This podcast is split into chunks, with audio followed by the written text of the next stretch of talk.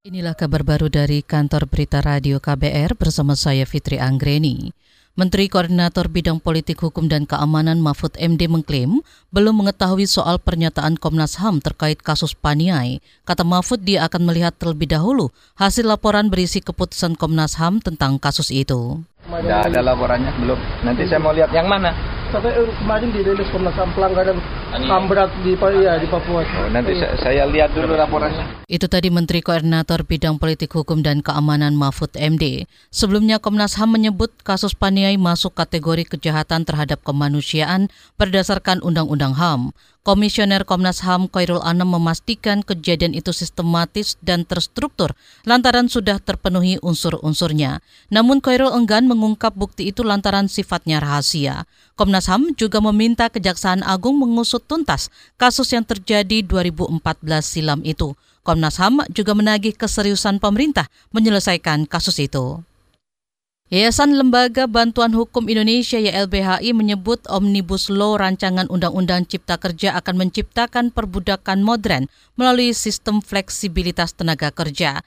Ketua Bidang Kampanye YLBHI Arif Yogiawan menyebut fleksibilitas tersebut berupa legalisasi upah di bawah upah minimum, upah per jam, dan perluasan kerja kontrak outsourcing kalau hitungannya per jam itu kan sesungguhnya kemudian berdampak terhadap banyak hal termasuk hak-hak normatif lainnya seperti tadi saya me mencontohkan cuti termasuk di dalamnya cuti haid itu. Sekarang kayak begini aja orang misalnya dia hamil mau ngambil cuti uh, melahirkan kan tiga bulan tuh ya kan? Apakah kemudian dia masih dihitung upahnya enggak sementara hitung-hitungan di sini kan per jam. Jadi sebenarnya sih lebih ke fleksibilitas dan informalisasi sebenarnya masalah yang muncul akibat uh, upah jam-jaman itu.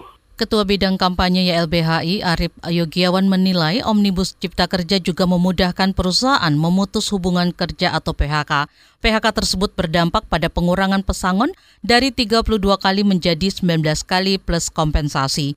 Untuk masa kerja hingga 3 tahun kompensasi yang diberikan adalah satu kali gaji. Sementara untuk buruh yang bekerja lebih dari 12 tahun akan mendapat pesangon 5 kali gaji yang diangsur perusahaan tiap tahunnya. Persija Jakarta siap menghadapi siapa pun yang lolos di final Piala Gubernur Jawa Timur 2020.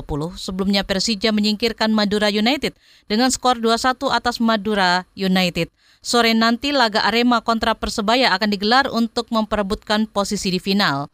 Laga akan berlangsung di Gelora Supriyadi Blitar. Laga semifinal ini digelar tanpa penonton demi alasan keamanan. Meski demikian, pengamanan ekstra ketat tetap disiapkan. Setidaknya ada 700 personel yang diterjunkan untuk mengamankan laga ini. Demikian kabar baru dari KBR, saya Anggreni, salam.